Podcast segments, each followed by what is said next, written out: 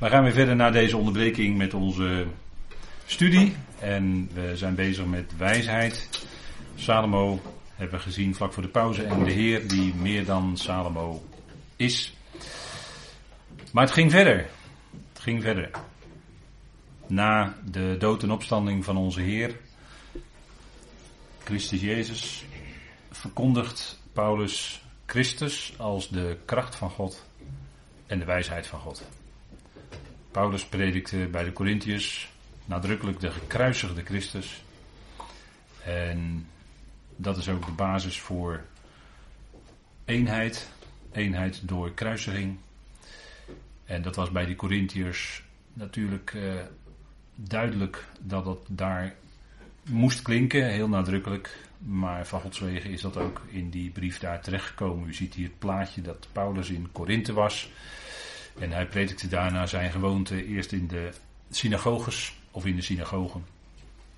Maar uh, dat uh, beviel toch uiteindelijk niet zo goed, zoals meestal hè, bij, uh, als je Paulus leest in handelingen. Dat hij meestal dan na verloop van tijd toch niet meer zo welkom is in de synagoge om te prediken. En dan gaat hij verder daar in het huis van een zekere Justus. En ik vind dat altijd wel een beetje humor in de schrift. Want het huis was pal naast de synagoge. Dus uh, hij werd de synagoge uitgezet, maar in het eerstvolgende huis daarnaast gaat hij gewoon verder. En dat is gewoon, uh, ja, dat vind ik wel leuk. Want kijk, het woord van God is natuurlijk niet gebonden. En dat gaat gewoon door. En dat is ook niet aan plaats gebonden. Dus uh, ja, we zijn nergens aan gebonden wat dat betreft. Het woord kan overal klinken. Paulus die had het in de Korinthebrief en dat kon hij daar niet aan iedereen kwijt. Dat is wel een opmerking die we erbij moeten maken. De verborgen wijsheid van God van voor de eonen. Het, Griekse woord aion, dat duidt op. Uh, als je het bestudeert in de Bijbel, duidt dat altijd op een zekere periode waarvan het einde soms moeilijk te zeggen is. Als het bijvoorbeeld gaat over de nieuwe hemel en de nieuwe aarde weten wij niet wanneer dat eindigt. Dus het einde ervan is soms moeilijk te zeggen, maar dat wordt toch die periode of die tijd, die wordt toch de eon van de eonen genoemd. De eon van de eonen. Dus de eon die de vrucht is van de voorgaande eonen. En de uitdrukking wordt één keer gebruikt ook. Het is de eon van de eon. Die vijfde. Dat is de vrucht dus van de vierde duidt dan op die uitdrukking. Komt één keer voor in Hebreeën 1 vers 8. De eon van de eon. Dat is die laatste. De eonen, dat zijn uh, lange uh, periodes, tijdsperiodes, dus niet eindeloze eeuwigheid. Hè, dat is er in de filosofie van gemaakt en in de vertalingen terechtgekomen. Het heeft ook niet te maken met bepaalde geestelijke machten of zo. Dat wordt er ook nog wel eens aangehangen. Maar in de Bijbel, in de Bijbel is het woord aion heeft altijd een tijdsaspect. En niet anders dan dat. En een aion loopt ook gelijk met een wereld, met een kosmos.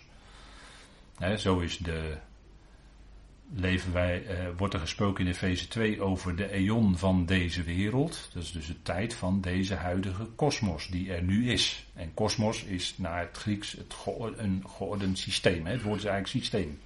Kosmos is een geordend iets.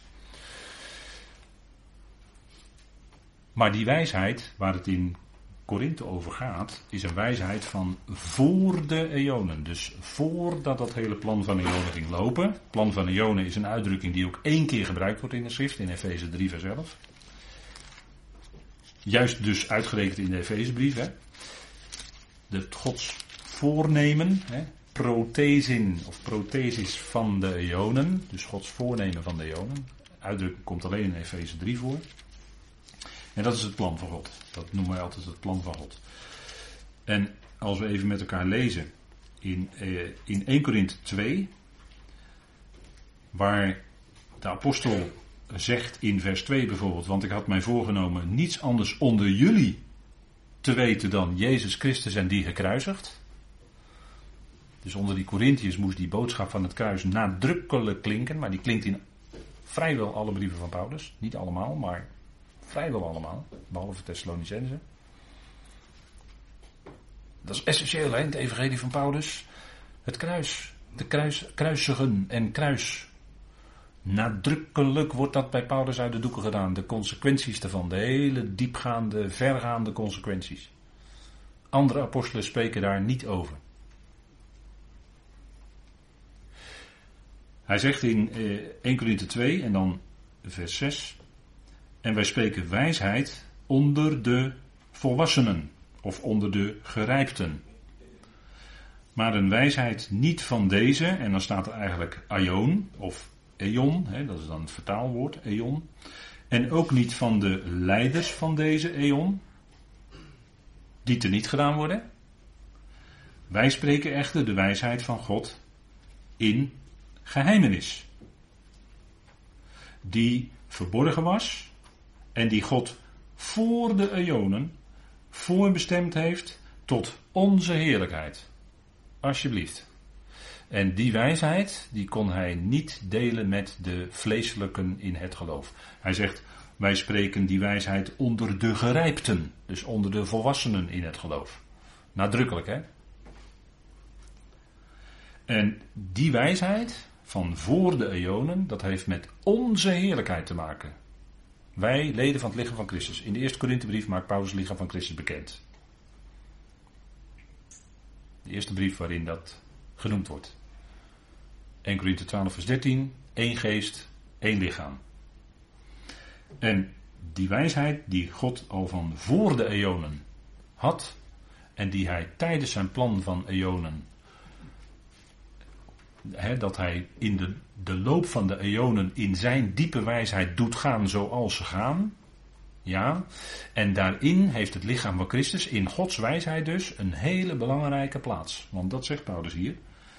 Die voorbestemd heeft, die wijsheid van God, die was voorbestemd tot onze heerlijkheid. Moet u nagaan. En dat is een wijsheid van voor de eonen, dus voordat het plan van God ging lopen.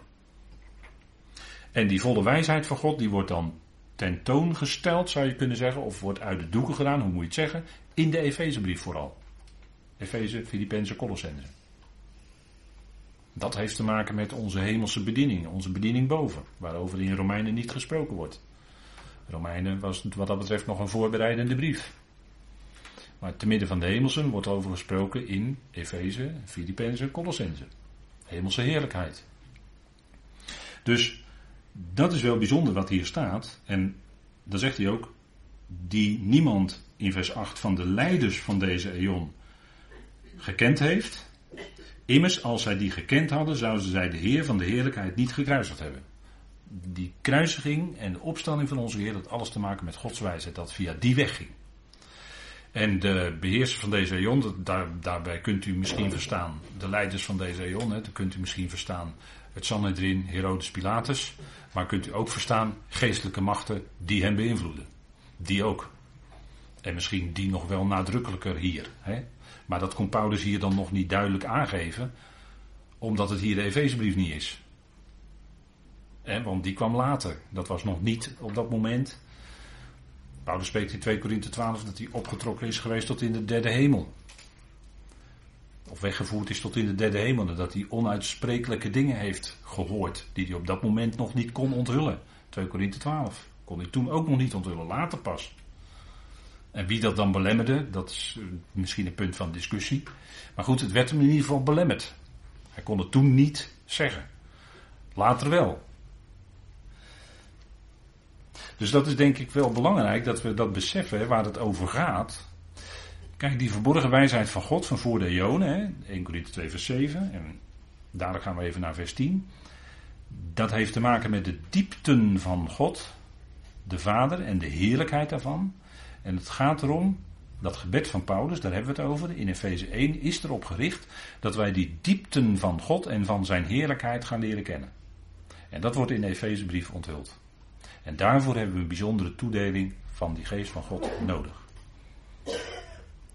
En dat is het punt, en dat heeft ook te maken met niet voor niets wordt hier in vers 6 het woord, voor volwassen, het woord volwassenen ingebracht. Dat heeft ook te maken met geloofsgroei. Daar moet je eerst geloofsgroei voor doorgemaakt hebben. Als je nog een babytje bent in het geloof, snap je er helemaal niets nog van. En dat is ook helemaal niet erg. Dat is gewoon, we moeten eerst groeien.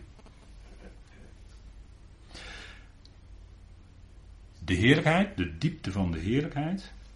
Want Paulus die zegt in vers 9, lezen we nog even verder van 1 Korinthe 2. Want het is zoals geschreven staat, wat geen oog heeft gezien en wat geen oor heeft gehoord en in geen mensenhart is opgekomen, wat God bereid heeft voor degenen die hem lief hebben. Aan ons echter heeft God het geopenbaard door zijn geest.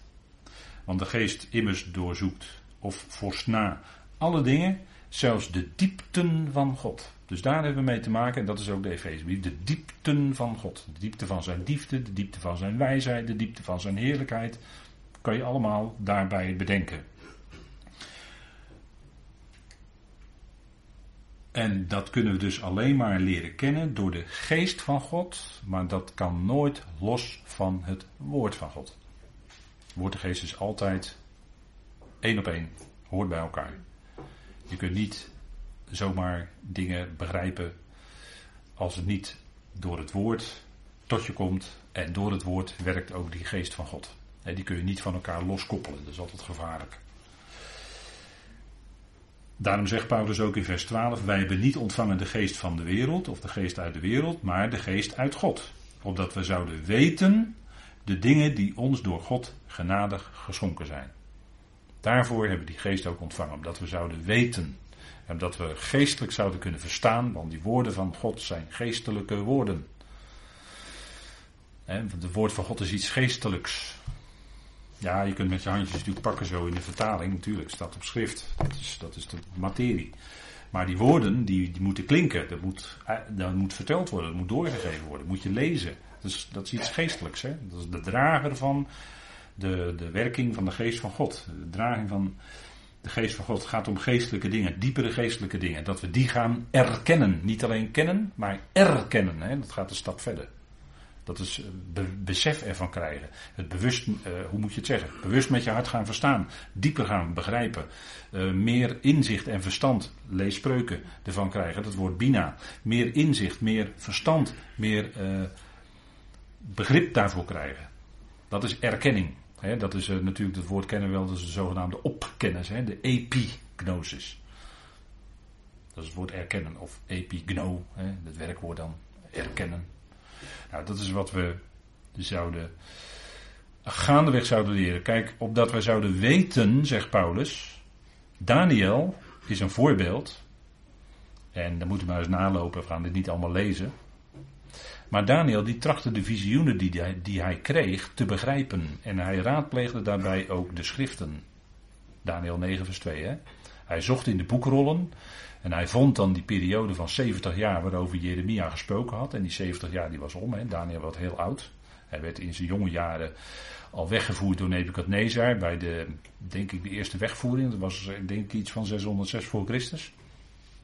Werd hij met de edelen, want daar hoorde hij bij, de edelen, werd hij weggevoerd uit Israël door Nebukadnezar. En daarna is uh, nog twee keer gebeurd, maar Daniel die was dus heel lang daar in Babel in ballingschap. En op een gegeven moment zag hij dat die tijd van die 70 jaar bijna voorbij was. En op grond daarvan, dus hij kreeg visioenen, hij vroeg, hij ging in gebed om te begrijpen wat het toch zou, zou betekenen. Hij raadpleegde ook de schriften, nadrukkelijk wat het zou betekenen, dat zouden ook wij doen. En hij ging in gebed op grond van die schrift. En dat is wat wij ook zouden doen op grond van wat de schrift zegt, bidden. Dat is bijbels, dat is, ja, dat is bijbels bidden. Op grond van wat de schrift zegt, bidden. En dan gaat de Heer ook gaandeweg. En hier bij Paulus gaat het om het gebed om een geest van wijsheid en onthulling in, in erkenning van Hem. Als je dat bidt, en je bidt dat ook voor je medegelovigen en ook voor jezelf, want je hebt dat zelf ook heel hard nodig, dan ga je gaandeweg verstaan, stapje voor stapje. En daar is ook horen naar het woord natuurlijk heel erg bij nodig. Zelf onderzoeken van de schriften. Ga je het verstaan. Stap voor stap. Hij raadpleegde de schriften. Hij ging in gebed en God stuurde een boodschapper. En God gaf hem de onthulling van de 70 zevens. Of de 70 zeveners. Hè, in Daniel 9, vers 24 tot 27. Dat is een heel hoofdstuk apart, maar dan verwijs ik naar de studies Daniel. En God prees Daniel daarna, Daniel 10, dat hij dat zo had gedaan. En dan zegt hij tegen Daniel ook: Daniel, je bent een man van begeerde kwaliteiten. Dat woord uh, begeren staat daar. Daniel 10, daar, daar krijgt hij die, uh, laten we maar zeggen, de Heer die hem in heerlijkheid aan hem verscheen. Of die boodschapper. En hij hoorde het geluid van zijn woorden, staat er dan in Daniel 10, vers 9. En toen viel ik in diepe slaap op mijn gezicht, met mijn gezicht op de grond. Een hand raakte me aan en ik maakte dat ik bevend op mijn handen en knieën steunde. Dus hij viel ogenblikkelijk neer voor die gestalte. En dat was een bijzonder iets. En die zei tegen hem: Daniel, jij zeer gewenste man, staat er in mijn vertaling. Maar er staat eigenlijk een man van begeerde, en dan mag je misschien invullen, kwaliteiten. Let op de woorden die ik tot je spreken zal en ga staan waar je stond, want nu ben ik tot je gezonden. En toen hij dat woord tot mij sprak, ging ik bevend staan. En dan zegt hij, wees niet bevreesd. En dat is wat de Heer ook tegen ons zegt. Maar Daniel die beefde op dat woord. Hè? Daniel beefde in diep ontzag op dat woord.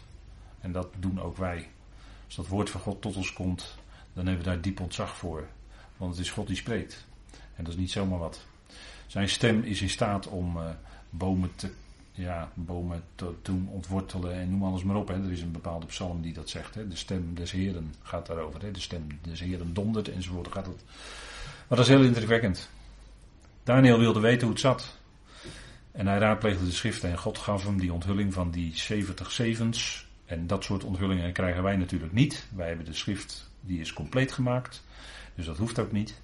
Maar wel als wij bidden om die geest van wijsheid en onthulling in de erkenning van Hem. En we gaan serieus aan de slag met die brieven van Paulus. Dan, dan ga je gaandeweg, stapje voor stapje, ga je daar meer van verstaan. Zo, zo werkt het. Hè?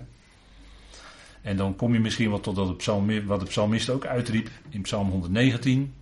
die leest u natuurlijk niet aan tafel na het eten helemaal, want het duurt veel te lang.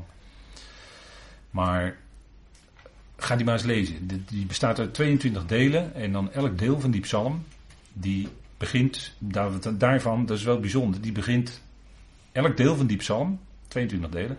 Elk deel van die psalm. Daarvan begint elke regel met dezelfde Hebreeuwse letter. Dat is heel bijzonder als je dat in het Hebreeuws ziet. Tegenwoordig kunt u dat interlineair gewoon raadplegen. Hè. Er zijn allerlei programma's voor de NCV en de ISA en eh, noem alles maar op. Er zijn allerlei uh, studiebijbel.info, noem maar op. Er zijn allerlei mogelijkheden. Kunt u dat zo nakijken. En dan is die psalmist, die is blij, want hij heeft allerlei dingen gehoord uit de onderwijzing van God. En dan zegt hij, uw bepalingen, vers 54, worden tot liederen. Het wordt tot een lied in hem. En als je dat woord van God, als je daar vreugde van hebt, je hebt dat gehoord en je bent daar van binnen ontzettend vreugdevol en blij van geworden, dan ga je zingen. Natuurlijk ga je zingen. Ja, God en God alleen hebben we aan het begin gezongen, dan ga je dan toch zingen. Ja, toch? En vers 161 zegt dan dat hij, uh, ja, dat hij eigenlijk eh, blij is, heel blij is met dat woord. Hè? Dat, is, dat is wel mooi wat daar staat. Hij zegt dan in Psalm 119, vers 161 en 62: Vorsten hebben mij zonder reden, hè, om niet, vervolgd. Maar voor uw woord heeft mijn hart diep ontzag. Of heeft mijn hart ontzag. De vertaler is nog diep toegevoegd. Ik ben verblijd, of ik, er staat iets meer hè, dan, dan, dan verblijden. Er staat, ik jubel over uw belofte.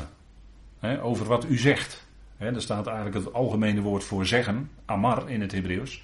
Maar je mag het opvatten als belofte, hè, want Gods woord houdt altijd een belofte in. Dus die vertaling belofte hier is niet zo gek. Maar er staat amar in het Hebreeuws. Ik, ben, ik jubel over uw belofte, over uw, wat u zegt. Als een die veel buit vindt. Als iemand die een rijke buit vindt. Dat kent u denk ik ook wel. Dus het woord, en dan ben je zo blij mee van binnen. Dan jubelt het bij je van binnen.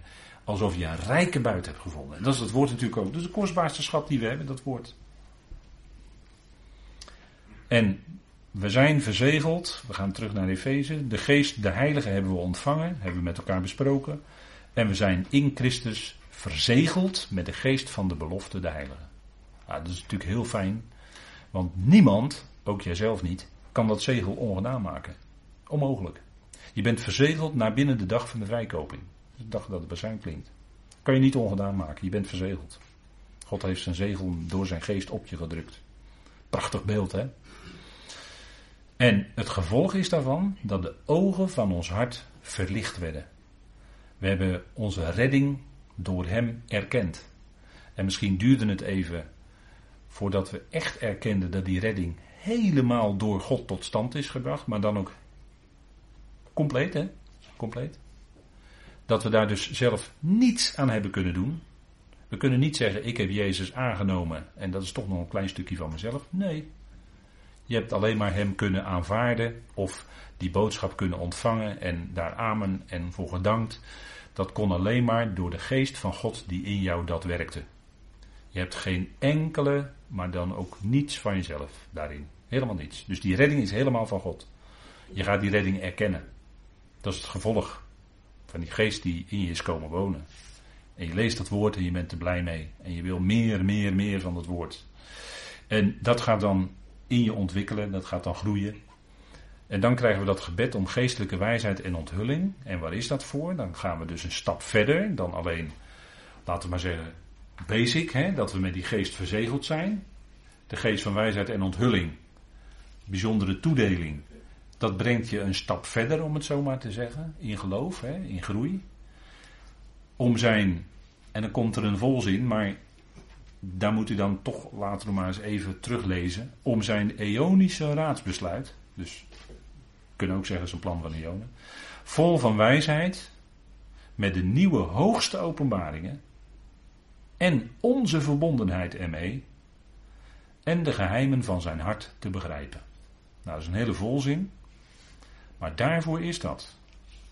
Het gaat dat we gaan verstaan wat de plaats van de Ecclesia, de gemeente, het lichaam van Christus is, in zijn raadsbesluit. En dat het alles te maken heeft met de diepste wijsheid van God. En met de nieuwe hoogste openbaringen, zoals die in de Efezebrief. Dat is echt de top van al wat God onthulde. En het is allemaal gebouwd op wat daarvoor onthuld is door God. Je kunt het niet loszien van de schrift, absoluut niet. Het heeft allerlei verbanden met de hele schrift. Maar het is wel de top. Hè? Je kan het zien als een soort piramideachtig iets. En op die top is dan de Efezebrief. Dat zijn de hoogste openbaringen, de hoogste onthullingen. Daar worden dingen gezegd die nog nooit eerder op die manier bekend zijn gemaakt. En wij zijn daarmee verbonden. voor de pauze hadden we het over dat wij betrokken zijn, dat ons lot geworpen is in Christus. En daarom zijn we verbonden met Hem in zijn hoofd zijn over de hele schepping, over alles, hemel en aarde. Het al noemen we dat ook wel tapanta in het uh, Grieks. En om de geheimen van het hart van God te begrijpen. Want dat is niet, dat komt je niet aanwaaien. Dat, dat is niet iets wat je. Nee, daar is echt tijd voor nodig. Gebed, studie, tijd, gebed, studie, danken, bidden, noem maar op.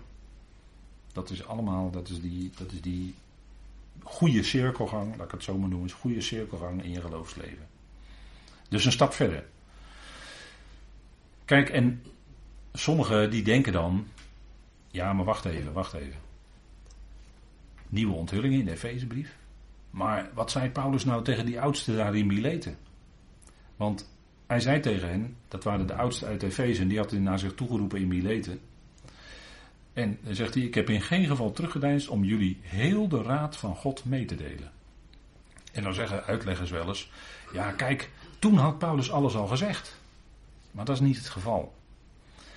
Want ook zo'n uitdrukking, heel de raad van God, moet je in zijn tekstverband lezen. En welk tekstverband hebben we hier dan? Dan gaat het hier om handelingen. En we zijn ook met handelingen bezig. En handelingen is een historisch verslag van de gang van het evangelie van het koninkrijk en wat daarmee gebeurde. Het is die setting, die context. En binnen die context zegt Paulus dit. En wat zei hij nog meer? Want in Handelingen 20 zegt hij nog meer daar tegen die oudsten.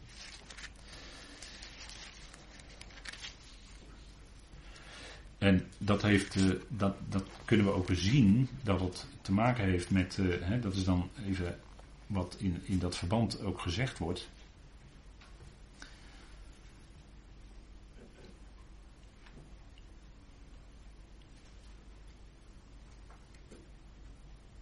Maar hij stuurde iemand uit Mileten naar Efeze en die de oudsten van de gemeente halen. En toen ze bij me gekomen waren, zei hij tegen hen: Ik weet hoe ik van de eerste dag af dat ik in Azië aankwam, heel de tijd in jullie midden ben geweest. En de Heer gediend heb met alle nederigheid en veel tranen. En de beproevingen die mij overkomen zijn door de aanslagen van de Joden. Hoe ik niets van wat nuttig was nagelaten heb jullie te verkondigen en te onderwijzen. En ik heb zowel tegenover Joden als Grieken betuigd van de bekering tot God en het geloof in de Heer Jezus Christus. Maar dat zei Petrus ook op de Pinksterdag in het kader van het Evangelie van het Koninkrijk. Dit, hè? Bekering tot God en het geloof in de Heer Jezus Christus. En in vers 24 zegt hij dan: Maar ik maak mij nergens zorgen over. En ook acht ik mijn leven niet kostbaar voor mezelf of mijn ziel. Opdat ik mijn loop met blijdschap mag volbrengen, evenals de bediening die ik van de Heer Jezus ontvangen heb om te getuigen van het evangelie van Gods genade. Nou, dat had Paulus ook gedaan. Dat getuigt van het evangelie van genade. Had hij ook gedaan. En nu, zie, ik weet dat jullie allen, bij wie ik rondgegaan ben, en het koninkrijk van God gepredikt heb, mijn gezicht niet meer zult zien. En hier gaat het om dat koninkrijk van God. Wat, waar gaat het hier dan om?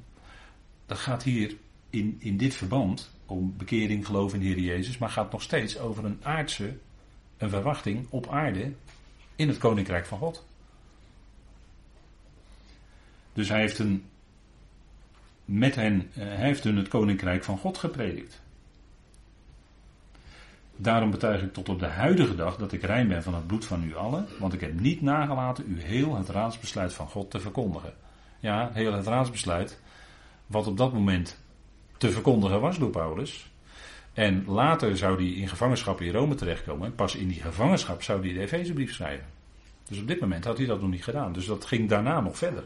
Dus heel de Raad Gods op dat moment is inderdaad wat toen bekend was. En Paulus had inzicht, bijzonder inzicht in Tenach. En alles wat daarmee te maken had. En legde uit wat op de Christus betrekking had enzovoort. Maar dat was op dat moment heel de Raad van God. Dat het aardse koninkrijk zou komen. En misschien had Paulus ook nog wel iets gezegd over die nieuwe schepping daarna, de nieuwe hemel en nieuwe aarde. Misschien wel, dat zou kunnen. In die zin, heel de raad van God. Maar is, dat, is, dat zegt nog niet dat hier ook al de hemelse roeping van de gemeente en alles bekendgemaakt is. Want dat, werd pas, dat wordt pas door de Efezebrief gedaan. Dus we moeten ook hier in tekstverband lezen, in context lezen. En alles wat in handelingen staat heeft betrekking op wat ook de bediening van Paulus, hier heet hij Paulus, ook de bediening van Paulus is dan aansluitend op de bediening van het evangelie van het koninkrijk. Hij zegt het ook, ik heb het koninkrijk van God verkondigd. En daar eindigt handelingen ook mee. Verkondig je het koninkrijk van God en alles aangaande de Heer Jezus Christus. Meer staat er niet. Dus, die, dus ook dit moet je zien in het kader van het boek Handelingen waarvoor het geschreven is. En de tijd waarin we zitten op dit moment. En dan zijn we nog niet in Rome. Paulus is nog niet in Rome gevangen. Dus die dingen moet je dan allemaal meenemen. Hè? En dan kun je niet makkelijk zeggen, zo zo'n tekst er even uitplukken en zeggen: ja, maar toen heeft hij al heel de raad van God verkondigd. En dan uh, achterover gaan leunen, voldaan van zo, nou heb ik je klem. Nee, nee, daar gaat het natuurlijk helemaal niet om op die manier. Nee, uh, geduldig, rustig luisteren naar de schrift, raadplegen het tekstverband waar het in staat. En pas later komen de nieuwe onthullingen van de Efezebrief. Dus dat, hè, die dingen moet je goed op een, uh, ja, in die tijdvolgorde van die tijd zien. Waar gaat het vader om? Waar gaat het vader om? Gebed om geestelijke wijsheid en geestelijke onthulling. Waar gaat het vader dan om? Vader wil dat wij de diepe betekenis van Efeze verstaan en de diepste motieven van zijn hart erkennen. Hè, weer dat woord erkennen, niet alleen kennen. Waarom hij zo handelt. Waarom hij zo handelt. Waarom roept hij Israël voor op aarde en waarom roept hij dan het lichaam van Christus? Wat is daar nou de bedoeling van? Wat is daar nou de toekomst van? Daar geeft de Efezebrief antwoord op. En dat wij verstaan en op juiste waarde schatten de afstraling van zijn heerlijkheid en de rijkdom aan genade en liefde. Wat hij voor ons in zijn zoon bereid heeft. Want als je net tot geloof bent gekomen, heb je nog geen idee van de rijkdom van zijn genade. Dat ga je pas later, als je ook jezelf gaat leren kennen in het licht van de schrift. Dat zeg ik er dan wel bij. En als je jezelf gaat leren kennen in het licht van het kruis. Licht van het kruis dan ga je erkennen wat die rijkdom van zijn genade inhoudt. Dan ga je er iets van begrijpen. Dat is uh, zoveel en zo rijk en zo diep gaat dat. En daarachter zit natuurlijk zijn liefde. maar de genade van God, als die genade schenkt, dat is de hoogste vorm van zijn liefde. En, en dat is wat hij in zijn zoon, in zijn geliefde zoon, voor ons bereid heeft. Zijn handelen kun je ook nooit loszien van zijn geliefde zoon. Dat is alles, heeft hij in hem aan ons geschonken in genade. Hè? Dat is heel veel hoor. Kijk, en dan komen we nog even terug bij dat geloofsgoed van de Efezebrief.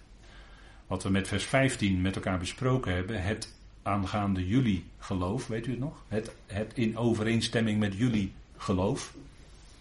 Het is niet zomaar geloof in de Heer Jezus, nee dat is natuurlijk heel, heel, mooi, als je gelooft in Heer Jezus, heel mooi, heel fijn. Maar het gaat daar specifiek om het jullie aangaande geloofs. En dan zeggen we geloofsgoed voegen we eraan toe. Hè?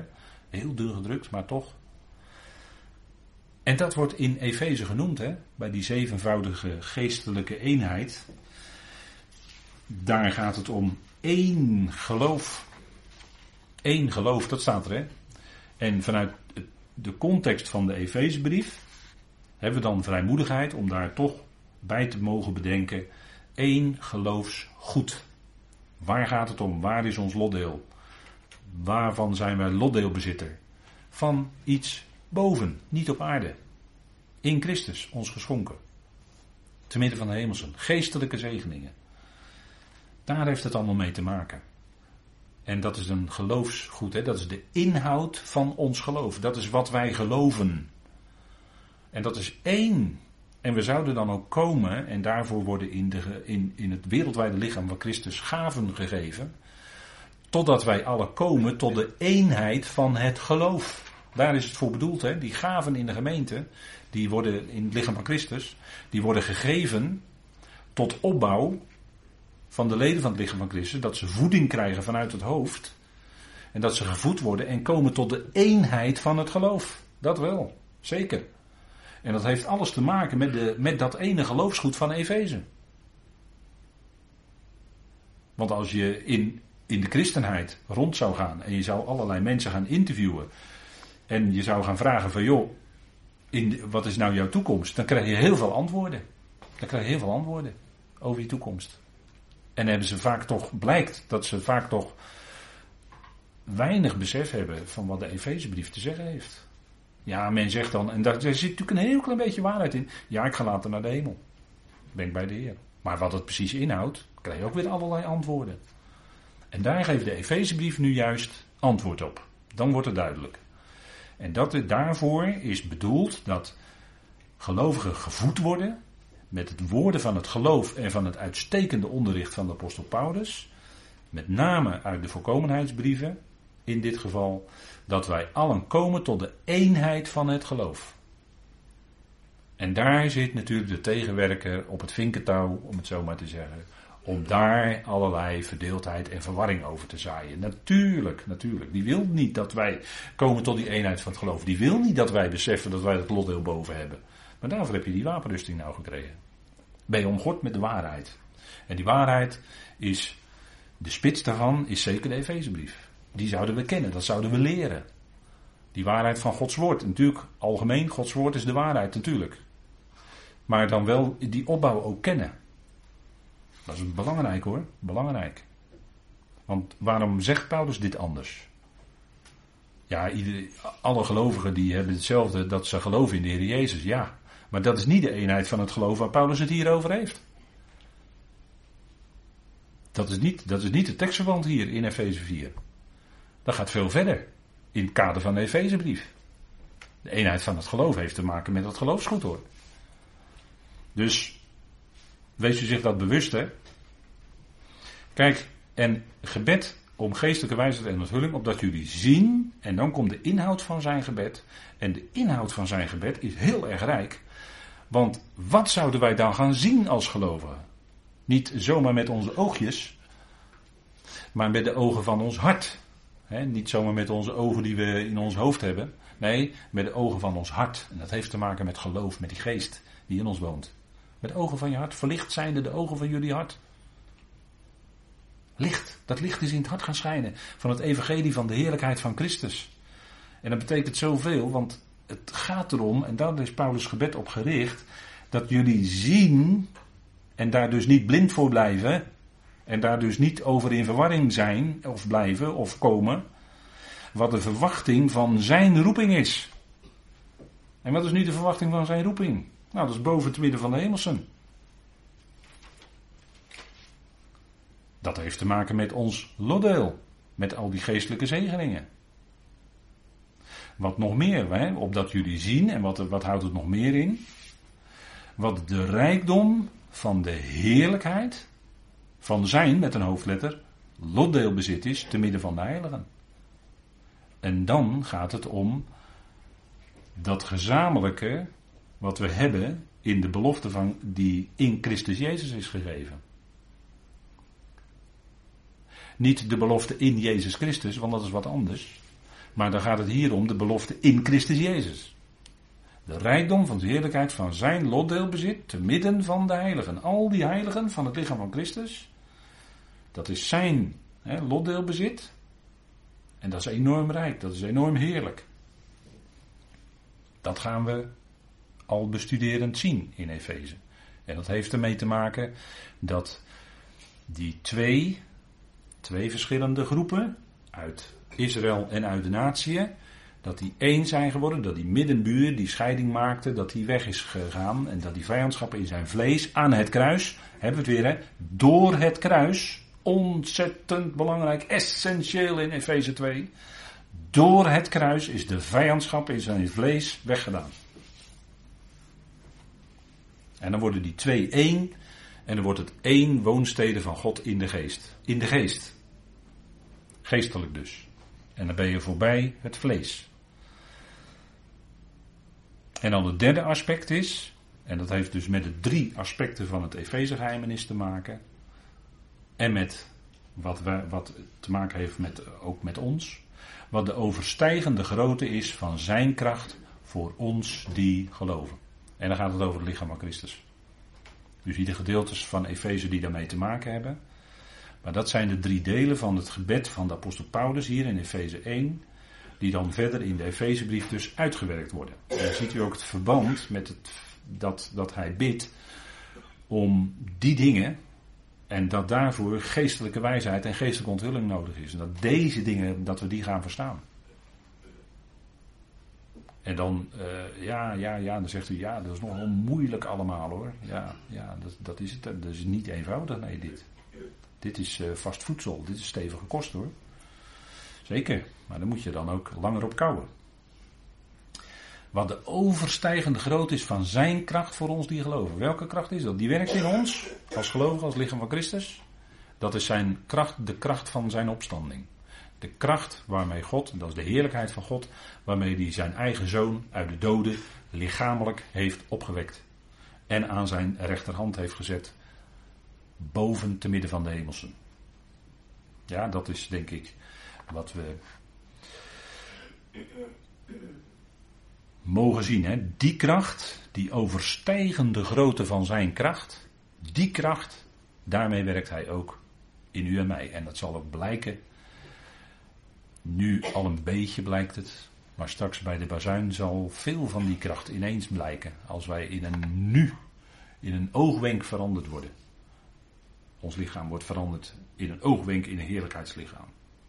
Wat je nooit had kunnen vermoeden hoor, dat, dat het zo zal zijn, dat heerlijkheidslichaam. Onvoorstelbaar. Nou, dat is, dat is dan die grootte van zijn kracht. Waarmee hij ook zijn eigen zoon heeft opgewekt uit de doden. Nou, en aan zijn rechterhand gezet, hè, dat ook nadrukkelijk. Dat is wat Paulus bidt, opdat wij dat zouden gaan zien, deze dingen. Dat we dit zouden gaan zien. Ja, dat is heel wat, hè? Dat is heel wat. En dat is denk ik toch van belang dat wij dat in deze tijd, want de tijd dringt, hè? De tijd dringt. Er is veel aan de hand. De geestelijke wereld is enorm in beroering. Merken we aan alle kanten. Maar laat u zich niet afleiden doordat het allemaal chaotisch wordt in deze wereld, want ook dat is voorzegd en dat gaat ook precies volgens plan. Dus wij zijn in alle rust, want er is er één God die alles volledig in zijn hand heeft en die niets uit handen loopt, die geen fout zal maken, absoluut onmogelijk. God maakt nooit fouten, kan niet onmogelijk. Hij doet alles goed. En ook al denken wij dat de dingen verkeerd gaan of mislopen of kwaad, dan weten we nogthans daarbovenuit dat het vanuit Hem gezien goed is. Altijd. Hij doet alles samenwerken tot wat goed is. Die God, die mogen we kennen. Die God, daar verblijden wij ons in. En daarom zongen we ook aan het begin. God alleen. Ja, zeker. Kijk, en dan wil ik als afsluiting voor vanavond nog meegeven, als laatste. Het Efezegeheimenis in drie hele korte zinnetjes, met drie keer gezamenlijk. En dat kent u denk ik wel. Maar dat is een meesterlijke, door de geest geleide samenvatting van wie we zijn. Hè? Maar let op, en dat wordt door uitleggers over het hoofd gezien. En dat komt ook omdat het in de vertalingen hopeloos is ondergesneeuwd. Omdat de vertalers het kennelijk niet begrepen op dat moment. Kennelijk niet. Maar er staat in Efeze 3, vers 6, heel nadrukkelijk, dat uh, dat woord dat staat dan dun gedrukt in de vertaling die ik hier heb voor me, het boekje. Dat in geest, of in de geest, maar de is ook dun gedrukt, staat ook niet letterlijk in het Grieks. Maar in geest, de natieën, dat is ongelooflijk belangrijk. In geest. Daar gaat het om. Dat is, dat is een heel belangrijk punt hier. Niet in het vlees, in geest. Wat in Efeze 2, vers 11 tot 22 al heel nadrukkelijk naar voren is gekomen. Waar het begint de positie van de natieën in het vlees. En het eindigt met de positie van de natieën, een woonstede van Gods, in geest. Dat is weer heel belangrijk. En daarom staat hier ook dat in geest de natieën zijn.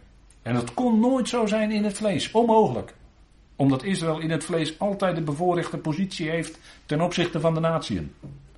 Maar in geest zijn de natieën gezamenlijk lotgenieters, gezamenlijk lichaam en gezamenlijk deelhebbers van de belofte in Christus Jezus. Dat is in drie korte zinnetjes samengevat het Efezegeheim. En dat heeft alles met ons te maken want het gaat hier om ons uit de natieën. In geest zijn de natieën, dus de gelovigen uit de natieën op dit moment. Gezamenlijk lotgenieters met de gelovigen uit Israël. Maar op gelijke hoogte, gezamenlijk op gelijke hoogte in geest. Geen verschil. Gezamenlijk lichaam. Enige keer dat die uitdrukking voorkomt. En gezamenlijk deelhebbers van de belofte in Christus Jezus. Drie keer het woordje sun in het Grieks.